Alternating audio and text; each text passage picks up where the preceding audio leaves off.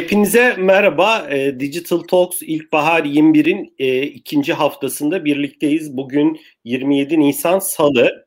E, bugün iki farklı oturumda e, üç değerli konuğumuz bizlerle birlikte olacak. İlk oturumda Vivense'nin kurucusu ve CEO'su Kemal Erol'la birebir e, sohbet edeceğiz ve Vivense'nin globalleşme yolculuğunu bir aslında vaka incelemesi gibi konuşacağız e, eminim hep birlikte çok değerli içgörüler e, kazanacağız bu sohbetten. E, ikinci oturumumuzda ise iki değerli konuğumuz bizlerle birlikte olacak. E, Çağnur Atay Uçtu, Mediamark e, Türkiye Pazarlama Kurumsal İletişim ve E-Ticaret Direktörü kendisi. E, diğer konuşmacımız ise Ceyhan Demiray, Ipsos Türkiye e, Tüketici Panelleri Direktörü. E, Ceyhan'ın e, ve Çağnur'un da e, farklı sektörlerden, farklı perspektiflerden bizle perakendenin dönüşümü, e-ticaretin gelişimi üzerine eminim değerli e, paylaşımları olacak. İkinci oturumumuzda saat 4 ile e, 5 arasında gerçekleşecek. Bu serinin arkasında e, çok ciddi bir emek var e, ve e, o açıdan e, bizim e, bu etkinliklerimizi destekleyen değerli markalara, Türkiye İş Bankası'na, Elmas sponsorumuz, platin sponsorlarımız Borçeli'ye, e, Unilever'e ve Vivense'ye e, çok teşekkür ediyoruz değerli katkıları için. E, toplamda da bu seride 6 farklı haftada 12 oturumumuz olacak ve 20'den fazla e, değerli konuğu, girişimciyi, profesyoneli bu sohbetlerimizde ağırlayacağız. Tüm sohbetlerimize de YouTube kanalımızdan e, ve e, ilerleyen dönemde de Spotify gibi, Google Podcast gibi e, mecralar üstünden de ulaşabilirsiniz. E, dilersen Kemal sohbetimize başlayalım. Bu arada son bir hatırlatma yapayım. E, sorularınız olursa da e, sorularınızı bilgi.digitaltalks.org adresine bekliyoruz. E, biz de bunların bir kısmını değerli konuklarımıza e, yönlendirmeye çalışacağız. E, ben zaman zaman da bu e, e, e-posta adresini e, kontrol edeceğim. Kemal dilersen sohbetimize başlayalım. E, seni daha önce farklı zaman dilimlerinde ağırlama fırsatımız olmuştu. E, dilersen biraz e, yani Vivense'nin belki bilmeyen e, kullanıcılarımız için Vivense nasıl ortaya çıktı? E, çünkü aslında Türkiye'nin kendi alanında en e, köklü e, e-ticaret şirketlerinden bir tanesi ve çok iyi bir yolda gittiğinizi de biliyoruz. E, dilersen biraz o başlangıcı kısaca konuşalım e, ve hani şu an geldiğiniz yere e, biraz belki bağlayabilirsin. Sonrasında tabii farklı konulara odaklanıyor olacağız. E, Vivense 2013'te kuruldu.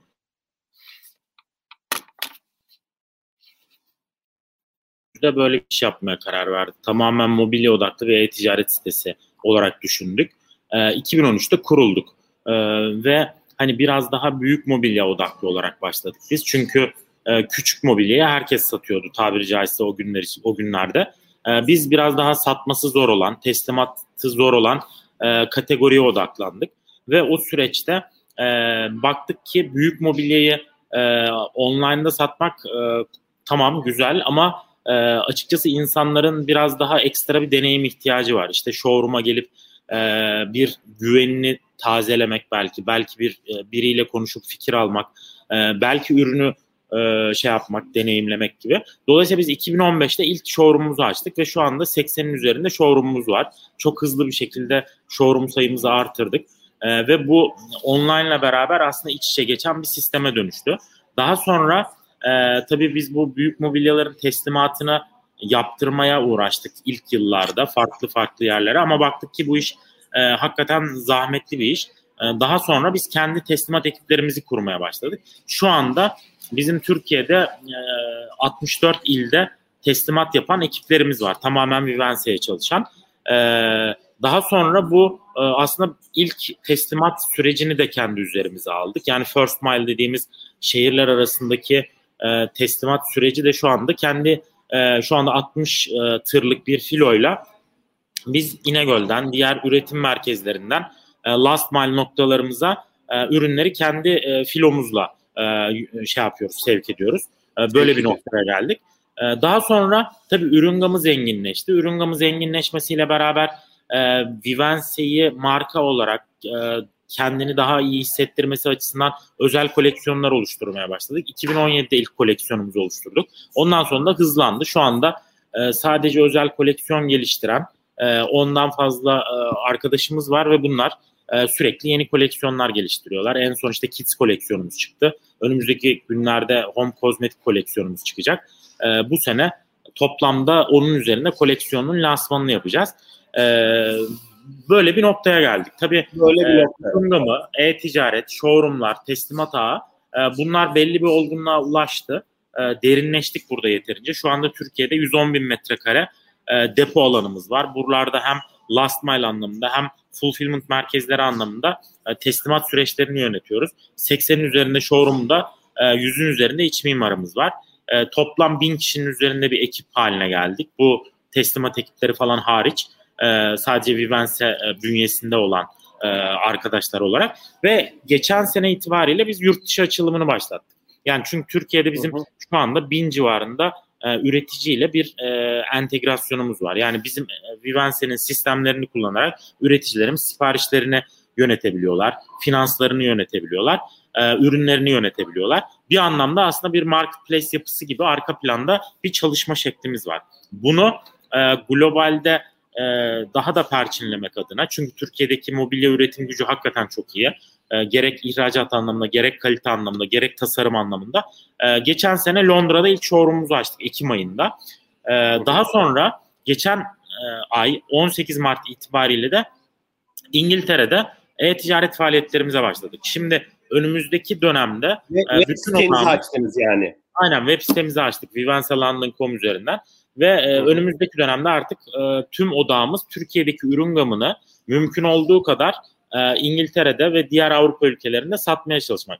Bunu yaparken Peki, de buradan, buradan Kemal ihraç mı edilecek yoksa orada da yine üreticilerle mi anlaşacaksınız? Yok, e, yok. bizim tedarik ağımız tek o da Türkiye. Zaten sistemi evet. ona göre kurguladık. Türkiye'deki ürünler orada satışa açılıyor. Satış olduğu zaman e, Türkiye'deki üreticinin ekranına aslında Türkiye'deki bir sipariş gibi ekranına düşüyor. Yani Adana müşterisinin siparişi işte Adana olarak çıkıyor. İngiltere siparişi UK olarak çıkıyor ve İngiltere siparişini üreticimiz e, depo yani teslimat adresi olarak depo görünüyor. Biz depoya ürünü aldığımız andan itibaren artık ürünün ihracatını ve İngiltere'deki müşteriye teslimatını gerçekleştiriyoruz. Şu Siz anda aylık, e, aylık 1000-2000 civarında bir teslimatımız var İngiltere'de ama onu çok hızlı geliştirip e, sene sonuna kadar e, artık 10 binler e, daha önümüzdeki yıllarda e, 100 binler seviyesine çıkarmak istiyoruz. Türkiye'deki geçen sene e, 1 milyonun üzerinde ürün teslimatı yaptık.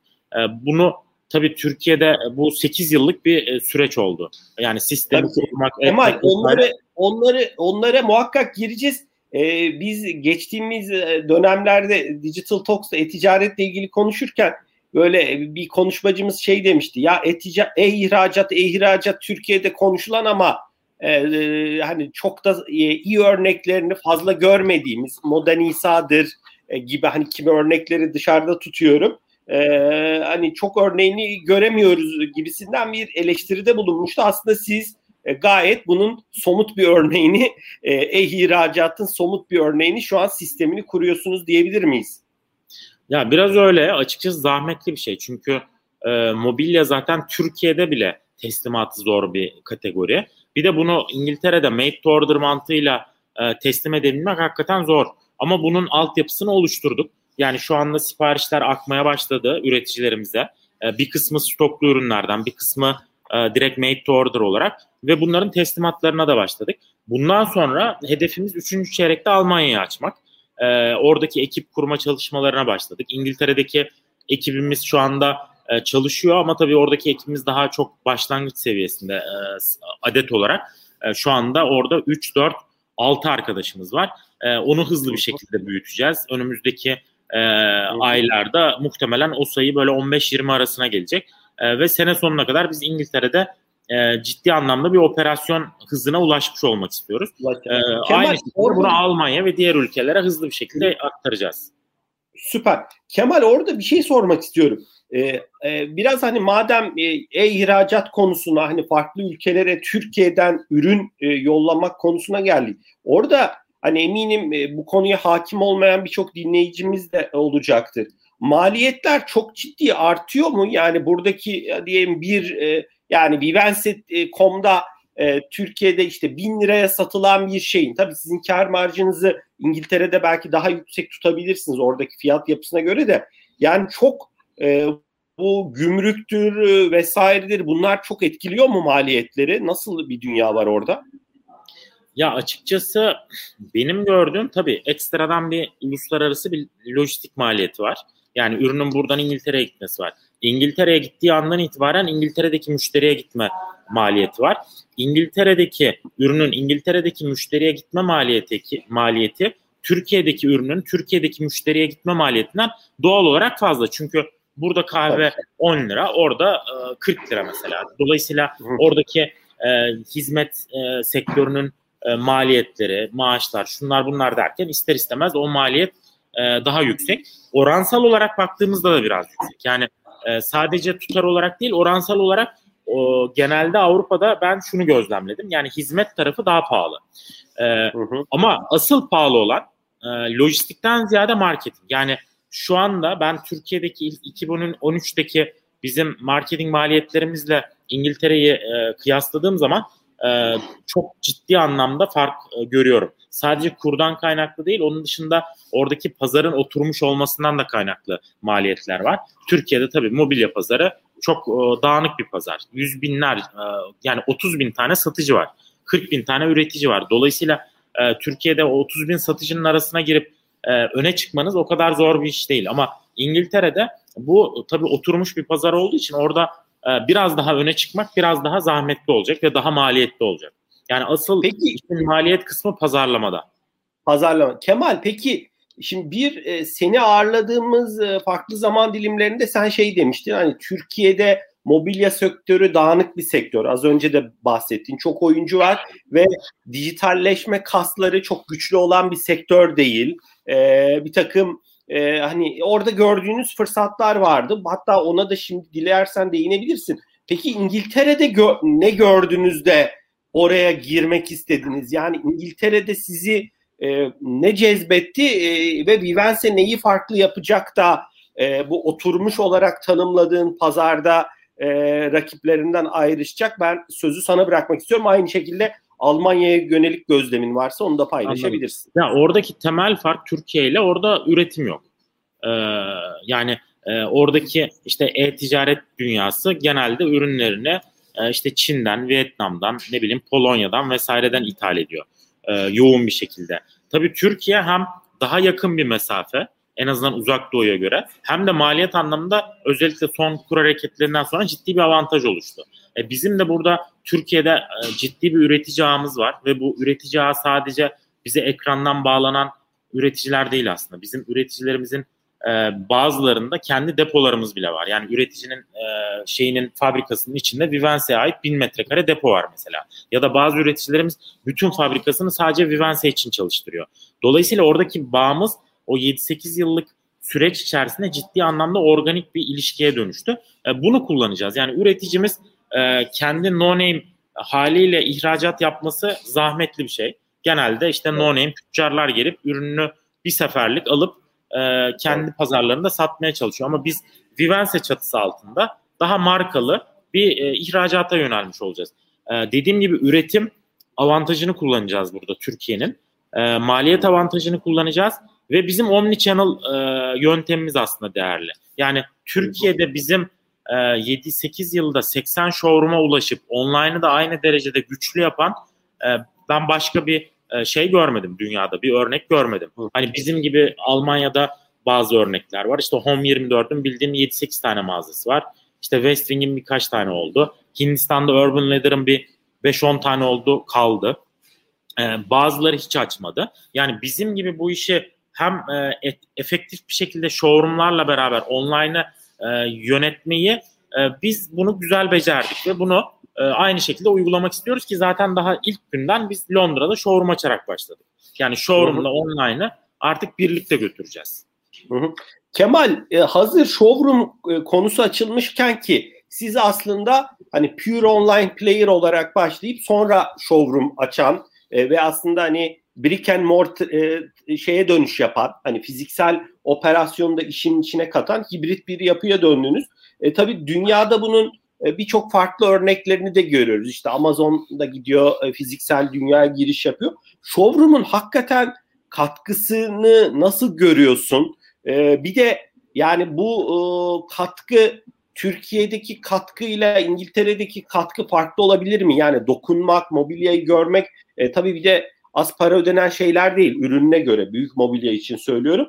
Biraz oradaki ilişkiyi nasıl görüyorsun ve sizin büyümenize katkısı nasıl oldu showroomların ve şu an 80'in üstünde showroomunuz var bildiğim kadarıyla. Hani bu sayı Türkiye özelinde de ne kadar artabilir, e, artacak e, sözü yani sana Türkiye'de bu sayının e, hani 2023 sonunda 300-400'e kadar gidebileceğini düşünüyoruz. Bu, bu sene mesela 60 tane e, nokta açacağız yeni olarak. E, geçen sene e, zaten 44 tane yeni nokta açtık. Aslında bizim 80 dediğimiz şey geçen sene bu vakitler 80 bile değildi. Yani 36 idi. Bırak 80'i yarısı bile değildi. E, dolayısıyla çok hızlı büyüyoruz orada. Yani İnanılmaz. bu kadar hızlı büyüyorsak demek ki faydası var bunun. E, tabii İngiltere'de e, yani insanlar daha dijitalleşmiş durumda. Yani oradaki internet penetrasyonu %20'nin üzerinde bildiğim kadarıyla. Türkiye'de daha yeni 9 oluyor, %9 oluyor. Ee, bu sene işte %10 falan olması bekleniyor. Dolayısıyla o fark illaki e, hissedilecektir. Yani Türkiye'deki showroom'un e, katkısı ile İngiltere'deki showroom'un katkısı aynı olmayacaktır diye düşünüyorum. E, ama onu da zamanla göreceğiz. Belki de e, yani o dijitalleşme o kadar etkilemeyecektir e, belki de aynı seviyede etkili olabilir. Ama Anladım. onun için bir şey söylemem için erken biraz. Anladım. Çok teşekkürler Kemal. Kemal biraz şeye değinelim. Ee, yanılmıyorsam 2020'nin e, Temmuz ayında Aktera size yatırım yaptı. Ee, bu yatırımı nasıl değerlendiriyorsun? Ee, hatırladığım kadarıyla 100 milyon doların üstünde 130 küsür milyon dolarlık bir yatırımdı. Ee, biraz orada e, seninle hani özel sohbetimizde sen bazı yatırımcıların hisselerini aldığından bahsettin Aktar'a. Hani oradaki gelişmeleri aktarır mısın? Yeni bir round planınız var mı? E, ya da e, yok e, mu nedir? E, eminim birçok kişi de bunu merak ediyordur. Ya şöyle e-ticaret pahalı bir iş gerçekten. Yani genelde insanlar e, hatta ben de öyleydim yıllar öncesinde. Hani e-ticareti çok basit e, işte e, kişisel bütçelerle yapılabilecek bir iş gibi görüyorsun genelde. İşte bir web sitesi açacaksın, e, ürünleri koyacaksın, satacaksın ne var bunda diyorsun. Ama aslında e, böyle görünmeyen bir muazzam büyük bir fabrika var burada. Ve o sürekli e, o yatırımı sürdürmen gerekiyor. Yani globalde baktığınız zaman e, büyük e-ticaret firmalarının toplam aldığı yatırımlar e, milyar dolarları geçiyor. E, Türkiye de artık büyük bir ülke. E-ticaret pazarı büyüdü. E, dolayısıyla artık küçük tutarlarla e, bu işte büyük şeyler yapmak biraz fazla iyimserlik olur. Dolayısıyla biz geçen sene Aktera ile öyle bir yatırım sürecine girdik. Ama buradaki yatırım bizim daha çok Türkiye'deki operasyonu büyütmekten ziyade biz çünkü her sene zaten %100 civarında büyüyen bir firmayız. Geçen sene %140 büyüdük. Bu sene %100'ün üzerinde büyüme e, şeyimiz, hedefimiz var ki evet. büyüyoruz da bir sorun olmadan. E, dolayısıyla Türkiye zaten kendi e, şeyiyle, kendi finansmanıyla e, büyümesini sürdürebiliyor. Bizim hedefimiz bu yatırımla artık globaldeki büyümeyi e, desteklemek. Çünkü global çok daha çetin bir pazar gerçekten. Yani e, Avrupa'da e, yani bir ürünün fotoğrafının kalitesinden tutun, ürünün içerik detaylarının kalitesine kadar, işte oradaki online marketingin nasıl yönetildiğine kadar Türkiye'den çok daha iyi yapılıyor. Yani Türkiye'nin ortalama e, kalitesine göre. Yani dolayısıyla orada biz kendi kalite standartımızı da yukarı çekmemiz gerekiyor. Kendi kalite standartımızı yukarı çekip oradaki güçlü rakiplerle yarışmamız gerekecek. E, bunu yapmak için tabii elimizde birkaç silah var. İşte ürün gamımız, buradaki üretim gücümüz, buradaki en azından kazanılmış bir e, deneyimimiz ve iş modelimiz. E, ama tabii bu o kadar kolay bir şey olmayacak. E, burada ciddi paralar harcanması gerekiyor. Bu anlamda bu yatırımcı desteği gerekiyordu. E, Akter'e bunu sağladı. Tabii bundan sonra yeni yatırımlar illaki olmak zorunda. Yani bu global yolculuk e, büyük bir yolculuk. E, yani hedef büyük. Dolayısıyla e, hani cüzi paralarla işte 50 milyon dolarlarla 100 milyon dolarlarla bu iş e, artık yapılamaz. Yani bu işte artık ciddi paralar gerekiyor. E peki e, Kemal 2021'de yeni bir round planı var mı yoksa şu an yok e, 2022'de mi planlıyorsunuz? Var mı öyle bir şey ya da ya hani şu anda somut e, somut bir round planımız e, yok. Arka planda tabii kendi içimizde değerlendirmeler yapıyoruz. E, ama daha hani e, globalde yeni açılmaya başladı. İşte sitemizi açıldı daha bir ay oldu. Şimdi oradaki en büyük hedefimiz ürün gamını e, en kısa sürede e, işte 20 bine 30 bine çıkartmak. E, çünkü Türkiye'de bizim 100 bin tane ürünümüz var. 100 bini geçti. orada belli bir ürün gamına ulaştığımız anda marketing anlamında da biraz gaza basacağız ve sene sonuna kadar artık orası ciddi bir büyüklüğe ulaşması lazım. Tabii Türkiye'ye göre yine küçük kalacak ama yeni başlayan bir operasyon anlamında gayet artık etli butlu bir yapıya ulaşması gerekiyor ki önümüzdeki yıl daha da gaza basabilelim. Kemal peki şeyi sorayım. Yani ürünler zaten buradaysa ve sizin şu an 100 binin üstünde ürün varsa hani bu ürünleri orada listelemenizin önünde bir engel ne var ki? Yani nedir oradaki şey? Ya şöyle e, şimdi her ülkenin kendine göre hususiyetleri var. Yani İngiltere'de mesela kumaş yanmazlık belgesi istiyor. Süngerinin hmm. yanmazlık belgesi olması gerekiyor. E, gibi. Mesela dolayısıyla biz döşeme ürünleri İngiltere'de açmak için böyle bir ekstra bir prosesten geçiriyoruz.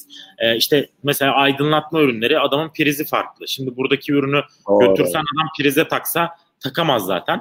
E, bazı farklılıklar var. Sertifika anlamında Doğru. bazı e, gereksinimler olabiliyor. E, Doğru. biz bir de şey yapıyoruz. Yani Türkiye tabii biraz e-ticaretin daha henüz olgunlaşmadığı bir dönem. E, yani biz bile hani seçilmiş ürünleri sattığımızı e, iddia ediyoruz. Elimizden geleni yapmaya çalışmamıza rağmen aslında kalitesinden çok da memnun olmadığımız ürünler var. E, dolayısıyla bunları mümkün olduğu kadar filtreleyerek biz globale e, ürünleri açmak Anladım. istiyoruz.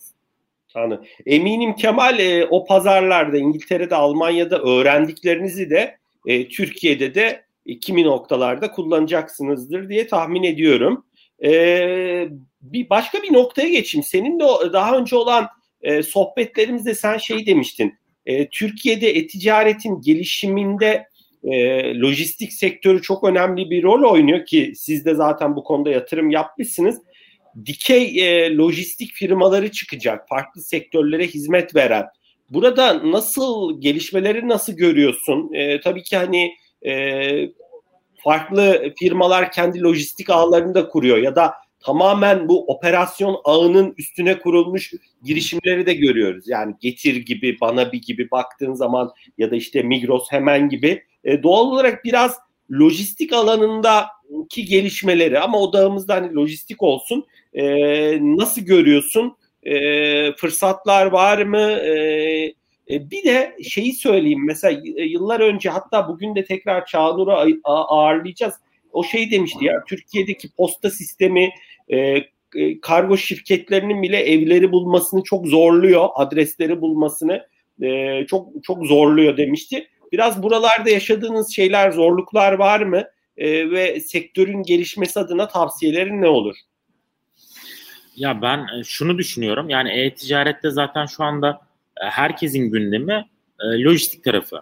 Yani teslimat firmaları. Eskiden neydi? 4-5 tane kargo firması vardı. Herkes aynı işi yapıyordu aynı türde hizmet veriyordu ama bugün e, geldiğimiz zaman ufak ufak kast, şeyler başladı. Herkes kendi nişine, kendi dikeyine odaklanmaya başladı. İşte kimisi büyük ürün grubunda odaklandı, kimi hızda odaklandı, e, kimisi işte farklı e, teknoloji tarafında biraz daha e, güçlendirdi kendini ama e, tahmin ediyorum bu önümüzdeki e, 3-5 sene bayağı hareketli geçecek bu alanda. E, yeni oluşumlar var. Yani mevcut firmalar bazıları dönüşüm içerisinde.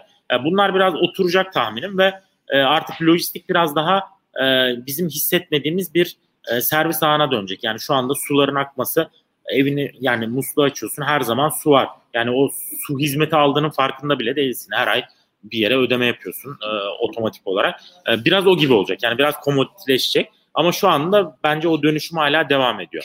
E, devam ediyor. Posta adres sistemi konusundaki e, şeye katılıyorum yani o arkadaşın yorumuna. Türkiye'deki adres sistemi gerçekten e, bir ele alınmalı. Yani baştan sona e, sistematik bir formata kavuşturulmalı. E, ben bile evimin adresini yazarken bazen e, işte bir cadde yazıyorsun, bir site yazıyorsun, bir e, bulvar oluyor. İl, ilçe, posta kodu hala bizde oturan bir kültür değil. Ben mesela evimin hala posta kodunu bilmeyen birisiyim mesela. E, e, yani bazı ülkeler bunu çok güzel oturtmuş. Dolayısıyla e, biz eğer böyle bir şey yaparsak merkezi anlamda bu posta yapısını, sistemini, adresleme yapısını e, bir elden geçirirsek e, bence çok faydalı olur. Özellikle bu kargolarda kargo firmalarının eminim ki şeyini verimliliğini çok artırır. Vivense olarak biz bu süreçte ne yapıyoruz? Biz kendi teslimat ağımızı güçlendiriyoruz. Bu sene geçen sene %130 büyüdü şeyimiz, teslimat ağımız. Bu sene büyümeye devam ediyor. Kendi altyapılarımızı oluşturuyoruz. Yani İstanbul'da, Ankara'da, İzmir'de, Kayseri'de, Kocaeli'de, Bursa'da e, şu anda 23 noktada bizim kendi last mile depolarımız var. E, ve 64 ile buradan teslimatlar yapıyoruz. Kurulum hizmeti veriyoruz. E, bunlar bence e, gitgide daha değerli hale gelecek. E, ve hani biz bu alanda yatırım yapmaya devam ediyoruz açıkçası. Hı hı. Kemal sizin 60 tırlık filonuzun dışında bir de daha şehir içindeki herhalde kamyonlarınız falan var değil var. Tabii tabii. Asıl e, asıl teslimat yapan ekiplerimiz onlar. E, orada şu anda 300'e yakın bir e, teslimat ekibimiz var. Ama bizim tabii şöyle bir araç e, kargolu ürünlerde e, günde 70-80 tane e, şey yapabiliyor. Müşteriye teslimat yapabiliyor. Ama bizim case'de 3 kişi çünkü bir araçta bir kişi de olmuyor. Yani çünkü ürünü taşımak, Doğru. kurmak vesaire. E, günde ortalama 5-6 tane ürün teslim edebiliyor. Yani bizdeki Anladım. ürünlerin hacmi vesairesi hakikaten çok fa- e, fazla ortalama Doğru. anlamında. Doğru. E bir de yeri geldiği zaman bilmiyorum o ekipler mi yapıyor ama bunların kurulumu vesairesi gerçi ya da sonradan ekip gelip kuruyor galiba. Bilmiyorum oradaki yapınız tam olarak Tabii nasıl bizde ama. kargolu ürünlerde sonradan gelip kurma e, durumu var. Burada ayda yaklaşık 15-20 bin civarında kurulum hizmeti sunuyoruz müşterilerimize. Onun dışında büyük mobilyada yani daha işte yemek odası takımı, yatak odası takımı gibi büyük ürünlerde zaten e, kurulum e, ürünün fiyatının içinde ücretsiz olarak veriliyor. Orada ürünü evet. teslim eden ekibimiz kurulum yapıyor. Ha, kurulumu da yapıyor. O yüzden o da Aynen. hani teslim edilen ürün sayısını tabii ki azaltıyor çünkü orada Aynen. vakit geçiriyor. Yani bizde şu anda Aynen. ürün adedi olarak satış anlamında en fazla sattığımız ürün aslında kurulum hizmeti. Hı hı. Yani hı hı. öyle e, enteresan bir şey var, e, istatistik var. Evet. Valla ben de Kemal geçenlerde bir kitaplık almıştım galiba. Ee, şey pardon şey almıştım. Ee, sandal ya çalışma sandalyesi koltuğu almıştım. Ya sonra pişman oldum kurulum şeyi almadığıma çünkü hakikaten bazen böyle astarı yüzünden pahalı mı oluyor der. Çok efor harcamıştım. Ha, yaptım. Hani bir sıkıntı olmadı ama ya dedik yani yapsaydık diye e, hakikaten e, o da hele yani belli ürün kategorilerinde çok ciddi efor e, zaman isteyen bir şey. E, yani tabii ki bu tercih meselesi. Aynen, aynen. Bir de sağ olsun bizim Türk üreticilerimizin kullanım e, kurulum şemaları biraz şey böyle e, biraz e, e, evet. işi ekstra bir maceraya dönüştürüyor. E, gerçekten o e, şeyi e, yani bir gününü harcayabilirsin kurmak için. yani Son, aslında bu globalleşme de... sayesinde biz bunları da iyileştirmek adına üreticilerimizlerle üreticilerimizle e, ek projeler yapıyoruz. O kurulum şemalarını hem daha yalınlaştırmak hem daha evet. evrensel dille yapmak. Çünkü öbür türlü yani zaten şekle bakarak o ürünü kurabilmek büyük bir e, maharet gerektiriyor gerçekten. Doğru doğru ve ya bir de şey de çok kötü. Ee, hani tam bitiriyorsunuz mesela son anda anlıyorsunuz ki yanlış kurmuşsunuz. Ee, bu sefer tekrar o vidaları Aynen, sökmek o, o da vesaire. Doğru. Yani doğal olarak belki sizin o mimar ekipleri gerekli arkadaşlar hani o konuda da nasıl yemek sepeti restoranların menüsüne yönelik hani yorumda bulunuyor ya da bunu bir yönetiyor. Sonuçta sizin de o kurulum şemalarını hakikaten biraz elden Yok, geçirmek. Bu globalleşmenin aslında altyapısı olarak e, biz geçen sene e, Haziran ayında bir kalite inisiyatifi başlattık.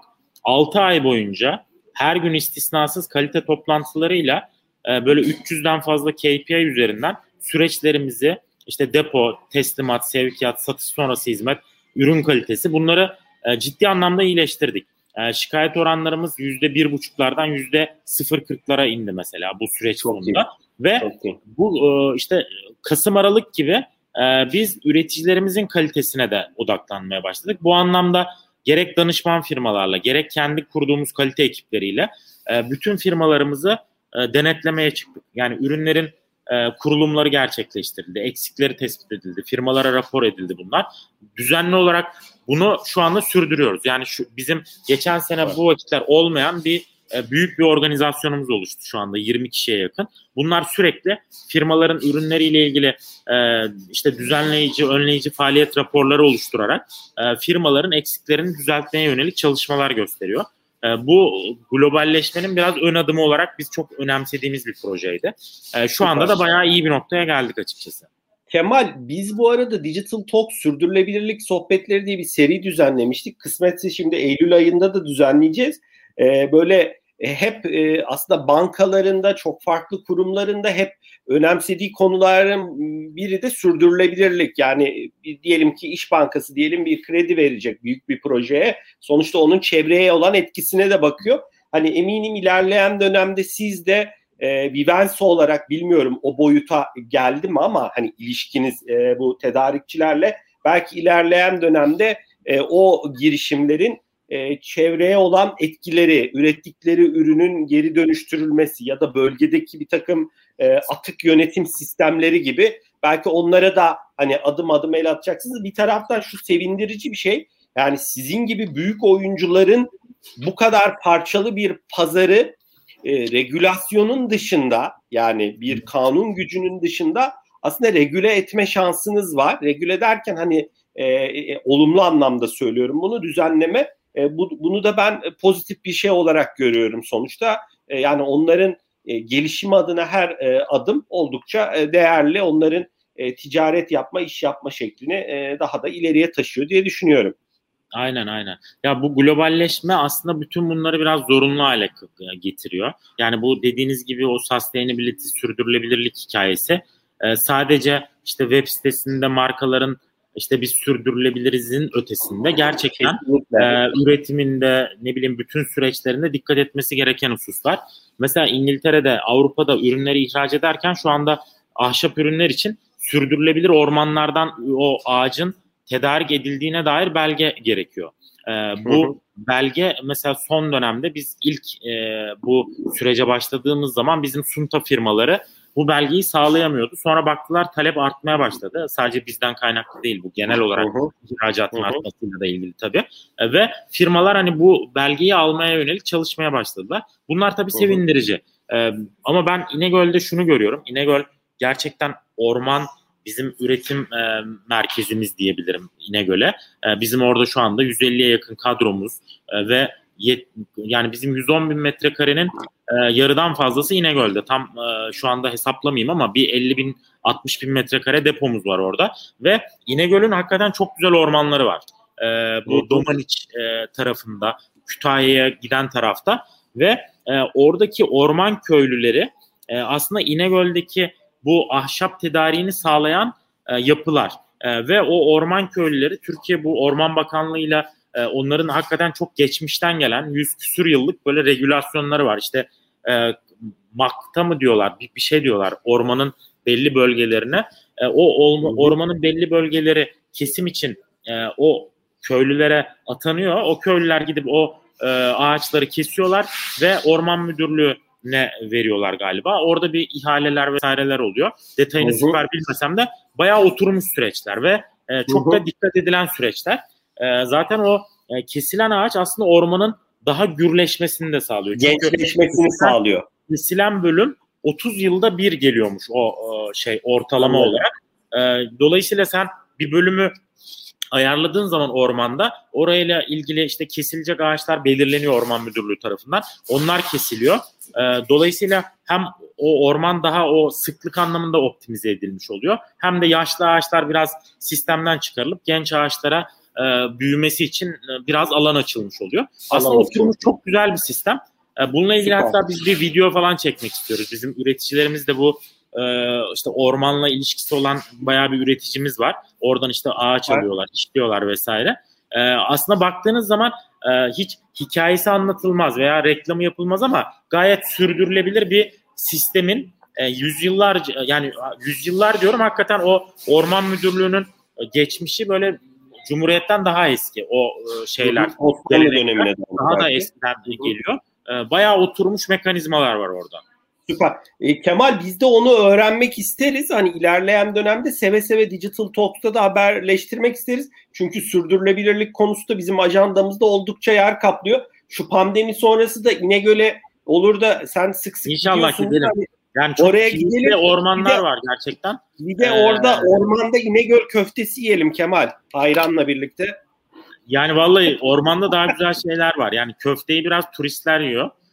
Öyle Ormana mi? doğru tamam. çıktığınız zaman biraz kalite daha farklı şeylere kayıyor. Tamam okeydir Kemal. O zaman e, bunu da seninle planlarız. Biraz şeyi konuşalım.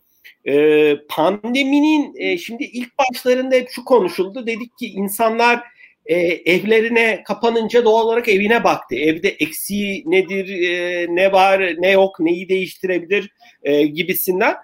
Peki bu pandemi yani bayağı uzadı.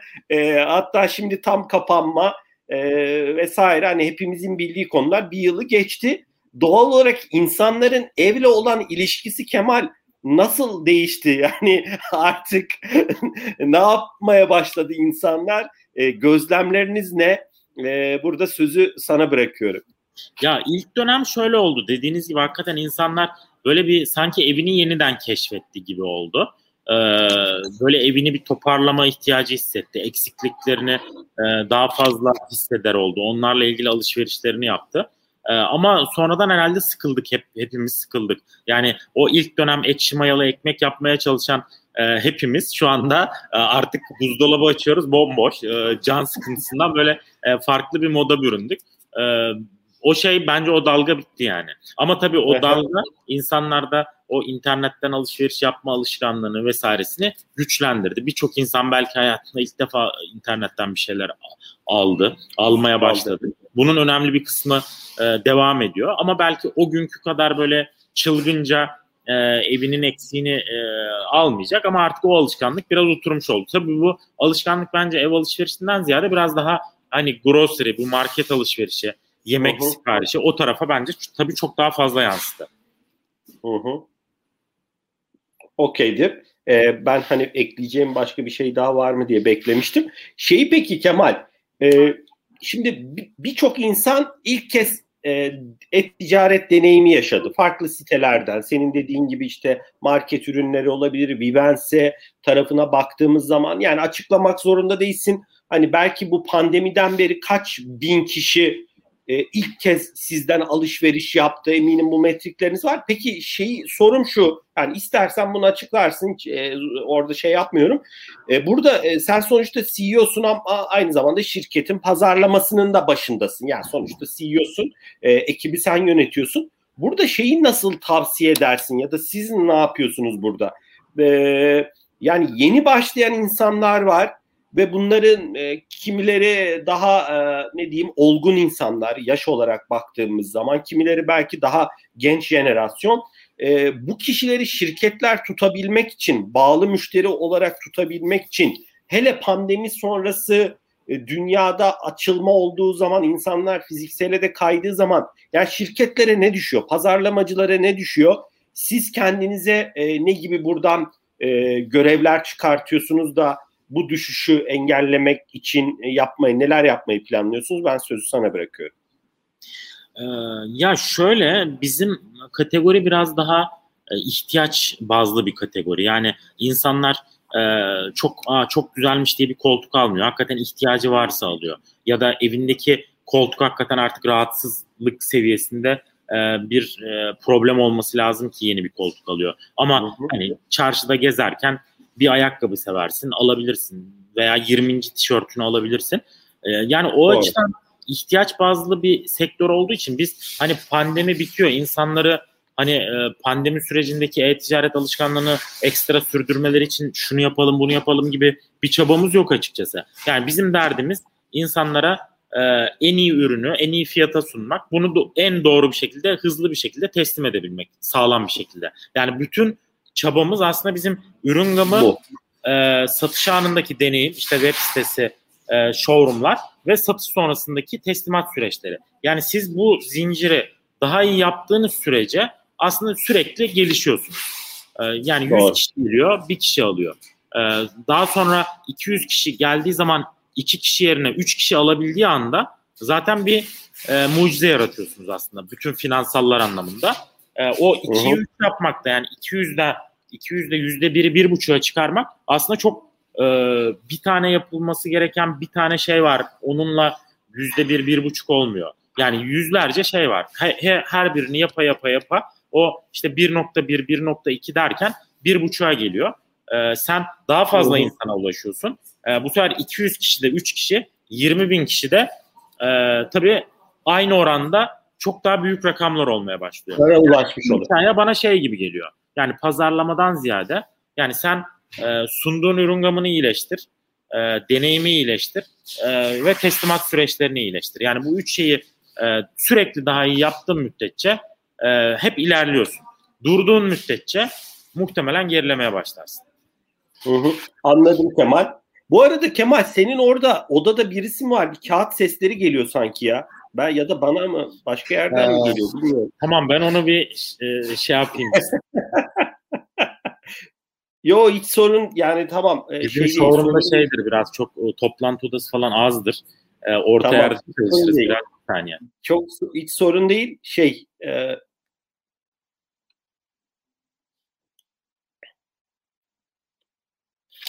Tamam abi hallet. Hiç, hiç sorun değil. Yani girişimcilik böyle bir şey işte bir taraftan da işler yapılıyor şirketlerde. Ee, Kemal şeyi sorayım. Şimdi şeyi anladım. Sen diyorsun ya mobilya sektörü kendine az bir sektör sonuçta e, doğal olarak hani e, diğer e, alanlara çok fazla benzemiyor. Biz Digital Talks'ta da haber yapmıştık bunu. Mesela e, isim verelim yani sonuçta hepsi sektörün değerli oyuncuları. Mesela IKEA globalde şeyi bildiğim kadarıyla test ediyor bazı yerlere küçük mağazalar açmak, küçük storelar açmak e, ki düşünüyorum hakikaten yani Ikea'nın Türkiye'de işte farklı yerlerde e, az sayıda büyük mağazası var ama yani insan da her zaman oraya gitme fırsatı bulmuyor. Biraz buradaki pazardaki rekabeti mesela Ikea'nın yaptığı gibi e, bu yaklaşımları ki aslında sizin showroomlarda biraz onun benzeri. Bu arada showroomlarda sizin alıp çıkap çıkamıyor değil mi insanlar? Sadece ürünlere dokunuyor, e, bakıyor ya da küçük ürünleri alıp çıkabiliyor mu? Oradaki yapı nasıl? Ee, yani küçük ürünleri alabildiği showroomları açmaya başladık. Aslında şöyle bizim e, Ikea'nın o küçük dediği showroomlar birkaç bin metrekare. E, bizim Hı-hı. şu anda büyük dediğimiz showroomlar bin metrekare olmaya başladı. İşte en son Afyon'da, Adana'da, Sivas'ta e, büyük formatta showroomlar açtık ilk defa. E, büyük dediğim işte bin metrekare, 1500 metrekare civarında. Burada hakikaten müşteriler gidip oradan ürünü direkt alıp ödemesini yapıp çıkabilir hale geldiler. E, tabii Hı-hı. bu e, şöyle bir şey. E, geçen bir yerde okudum. Aslında ilk mağazanın çıkması e, şeymiş yani depoymuş aslında mağaza dediğimiz şey yani 1900 artık 20'ler midir bilmiyorum. E, New York'ta e, işte ürünleri insanlar e, gidip e, top bir yerden alabilmek adına işte mağazalar oluşmaya başlamış. Tabii mağazalar gitti de sonra şey oldu. Böyle daha güzelleşti vesaire.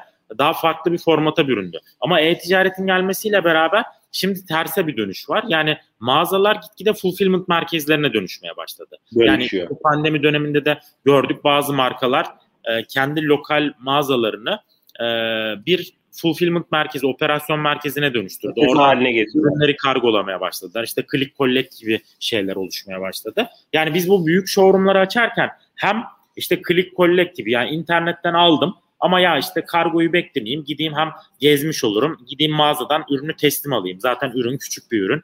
Ee, hem de işte belki de orada markayla daha farklı Baş, başka bir, ürünler e, dokunmuş oluyor markaya aslında showroom'da. Diğer ürünleri görüyor. E, bunu düşünerek biraz daha büyük mağazalar açmaya başladık. İşte en son geçen ay biz dört tane mağaza açtık. E, işte Afyon, Sivas, e, Tarsus ve e, Adana'da. Ve bunların her biri e, bizim geleneksel o küçük showroomlarımıza göre iki buçuk kat büyük. civarında daha büyük mağazalar ve burada daha farklı retail alanları oluşturduk. E, ve burada müşteriler gidip o minik ürünlerden işte ev tekstili gibi, dekorasyon gibi, mutfak ürünleri gibi ürünlerden alıp e, direkt e, mağazadan teslim alıp ödemesini yapıp çıkabiliyor. Kimi showroomlarda da e, sadece hani ürünleri e, diğer işte, showroomlarda yani koltuğu sırtlayıp e, götürebilme Aynen. imkanı yok zaten. Hani çok Aynen. isteyen müşteri olursa e, şey sistemimiz ona müsait yani teşhirdeki ürünü e, sistemden satabilir durumdayız aslında. Tamam yani kimi showroomlarda da hiçbir şey satın almadan e, çık, çıkıyor. Ürünleri sadece evet, görüyor. Aynen, aynen. Aynen. Aynen. Tamam. Süper. E, Kemal biraz şeyi nasıl görüyorsun peki? Yani Türkiye'de e, e-ticaretin bu arada son 15 dakikamız hani e, ben de bakıyorum hani gelen sorular var mı diye. E, Türkiye'de e-ticaretin gelişimini nasıl görüyorsun? Yıllardır sektörün içinde olan bir kişi olarak e, bu anlamda pandeminin etkileri e, sizin e, sektör içinde farklı alan, grocery alanı biliyorsun acayip oldukça hareketli, rekabetçi. E, biraz buradaki gelişmeleri nasıl görüyorsun? İleriye yönelik öngörülerin nedir? Ya vallahi burada bence e, bir şey arefesindeyiz. Yani büyük bir e, evrim olacak. Yani bizim e-ticaret ekosisteminde. Yani biz böyle e, bir, bir taraftan e, işte her şeyi satan yapılar e, çok büyüdü. E, ve e, hemen hemen her şeyi satmaya başladılar. E, aslında Türkiye'de niş oyuncular e, çok tutunamadı benim gö- gördüğüm kadarıyla. Yani benim sektörümde biz 2013'te başladığımızda e, biz daha kalabalıktık aslında. Sadece ev dikeyinde satış yapan. Şu anda onların çoğu kalmadı. Kay- e, kayboldular. Ya da sadece moda dikeyinde e, satış yapan e, yapılara bak baktığımız zaman e, bir bakıyoruz şu anda işte kırtasiye de satmaya başladı. Kamyon tekeri de satmaya başladı. E, yani çok çeşitlendiler. Yani o e, dönüşüm nereye gidecek e, ben de tam kestiremiyorum. Yani burada iki tane tez var. Bir tanesi batıya e, daha çok benzeyeceğiz. Yani batıda ne var? Batıda daha dikey oyuncular var. Yani işte Zalando mesela moda ürünü satıyor. Asos sadece modaya odaklanmış durumda. Hatta kendine ait bir tarzı var. Yani o tarzın dışında e, ürün bile satmıyor. E, ya da işte grocery satan var, her şeyi satan var gibi. Ama e, batı, doğuya baktığımızda Çin gibi ya da Endonezya gibi e, pazarlarda e, orada da e, enteresan bir yapılaşma var. Yani bırakın her şeyi satmayı, her şeyi yapan yapılar var. Yani adam hem her şeyi satıyor, hem bankacılık yapıyor, hem sosyal medya e, platformu olmuş, hem işte taksi çağırabiliyorsun, hem e, otel rezervasyonu yapabiliyorsun, hem evine bir şey grocery e, işte yemek servisi vesaire. Yani her şey e, tek bir yapıda buluşmuş. İşte süper app dediğimiz e, yapılar. Bunun da en büyük örneği işte Çin'de WeChat var. E, işte şeyde Endonezya'da Gojek diye bir yapı var. Bunlar E, kendi içinde minik minik e, alt uygulamalarla her şeyi yapar hale gelmiş. E, Türkiye'de benim son bir senedir hissettiğim biraz o tarafa yöneliş var. Yani e, işte büyük Aynen. e, hani e-ticareti yapan işte yemek servisine de giriyor, e, grocery'e de giriyor bilmem ne. İşte diğerleri grocery yapan e, işte başka türlü servislere giriyor. Belki yarın bir gün o taksi e, veya o taksi çağırma servisini birleştirecekler vesaire. Yani Hı. o süper app'e doğru mu gideriz biz? Yoksa batıda olduğu gibi herkes kendi işini mi yapar? Ya da daha böyle birbirine e, yakın olabilecek fonksiyonlar kendi içinde süper app olur ama e, böyle o kadar da Çin kadar ya da e, o doğudaki uygulamalar kadar olmaz mıyız? Onu biraz zaman gösterecek. Ee, yani bu pandemi döneminde bu süper app konusuna biraz e, şey yaptım böyle bir merak etmiştim. Biraz inceledim. E, açıkçası e, o tarafa doğru bir yöneliş sanki biraz daha Doğru. ağır görünüyor. Ya çünkü Ama o bir app'im var. Elinde e, milyonlarca müşterim var. E, müşteriler geliyor senden işte ürün alıyorlar.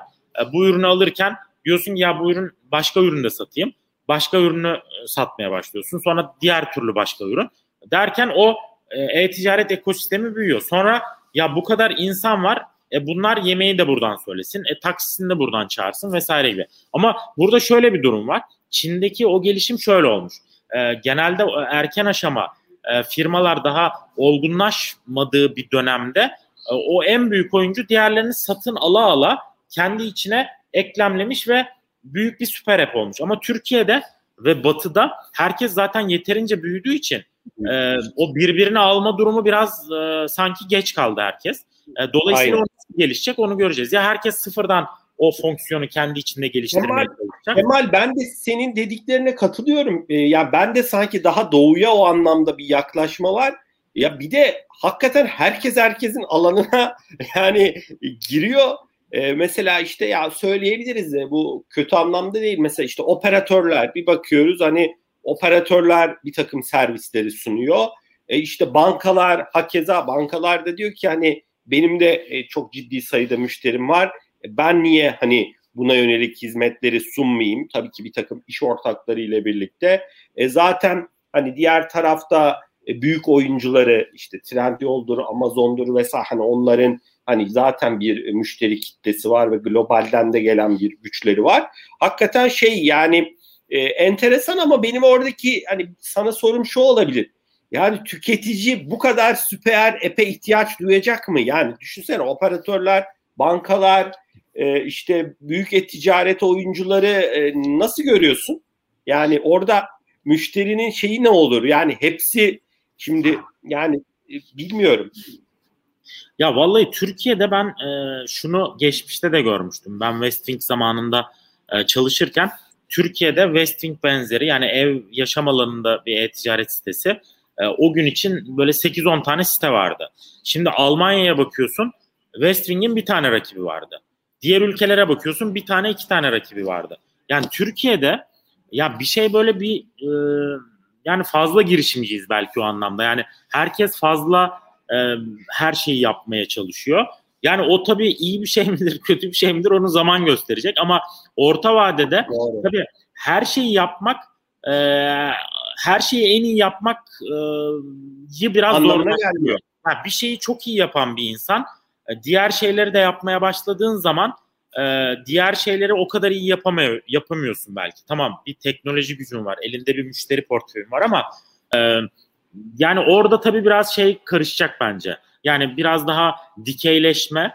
E, yani ben onun savunucusuyum. Yani ben biraz daha batıya gideceğini düşünüyorum. Ultimately yani daha orta uzun vadede. Yani ben bir tüketici olarak daha sofistike ve daha e, işte diyelim ki ortalamanın biraz daha üzerinde geliri olan bir tüketici olarak her şeyi daha yerinden almayı tercih eden bir yapı haline geleceğim. Yani e, gidip Migros'tan et alıyor musun mesela? Alıyorsun ama böyle biraz zor zora düştüğünde alıyorsun ama e, iyi bir et almak istediğin zaman gidip iyi bir kasaptan alıyorsun.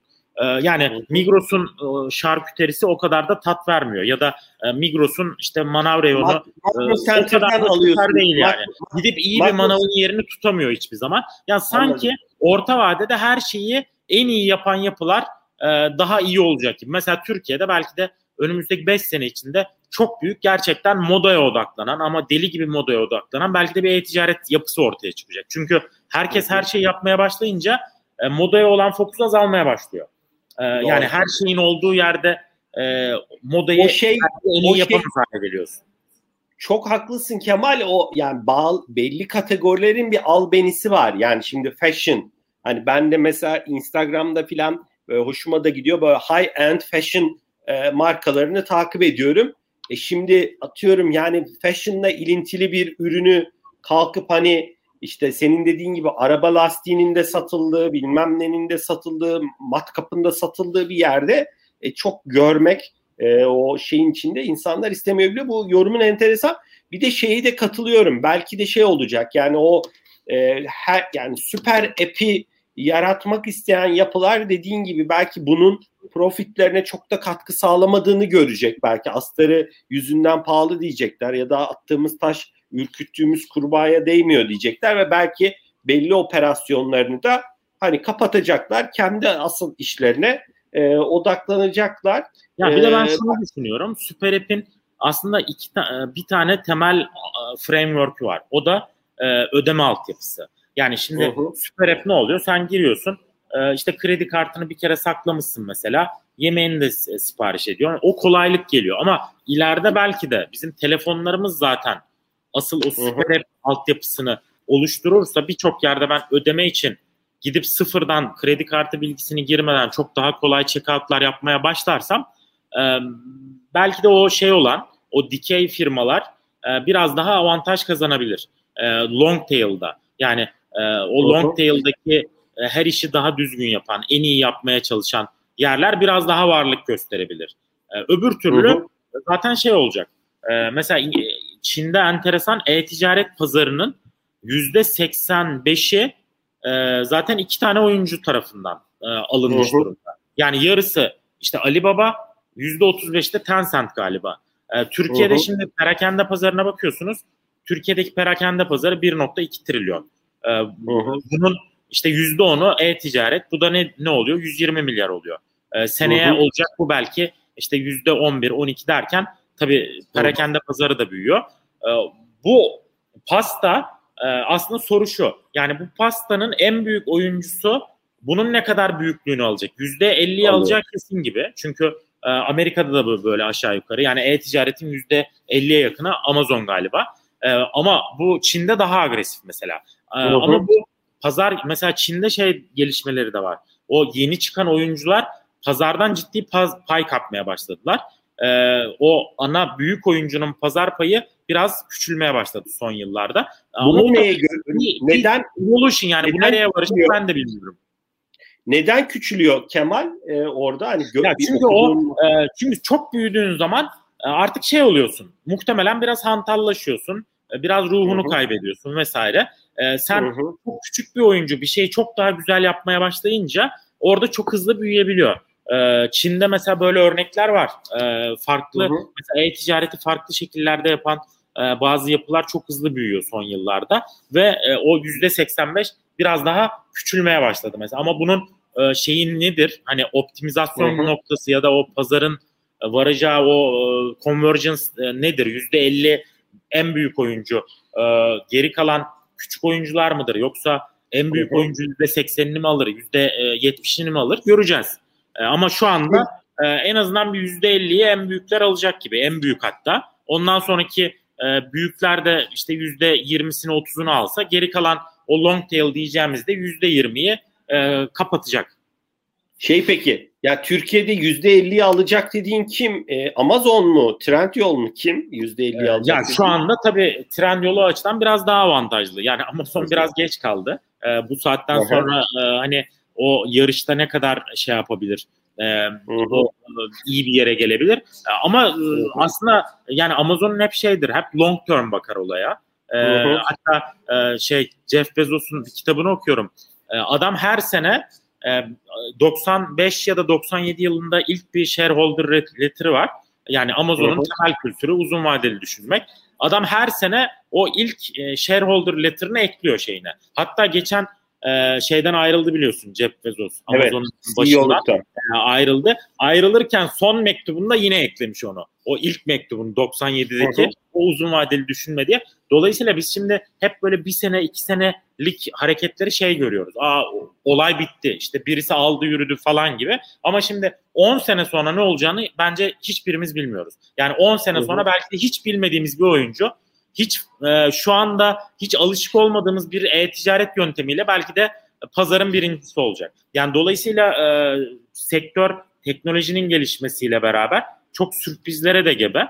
E, dolayısıyla hani şu anda tabii ki Trendyol o şeyde at başı gidiyor ama hani Amazon o oyuna ne kadar hızlı girebilir ya da diğer oyuncular e, ne kadar e, o birinciliğe e, bu saatten sonra oynayabilir. E, açıkçası ben emin Bunu değilim. Yani orada hem bir Ali Baba gücü var, oturmuş bir e, yapısı var vesaire. E, ama asıl soru burada o birinci yüzde elli mi olacak, 60 mı olacak, 70 mi olacak yoksa işte 30-40'larda mı kalacak? E, onu yaşayıp göreceğiz. Hı hı. Tabii orada e, biliyorsun rekabet tartışmaları da gündeme e, geliyor.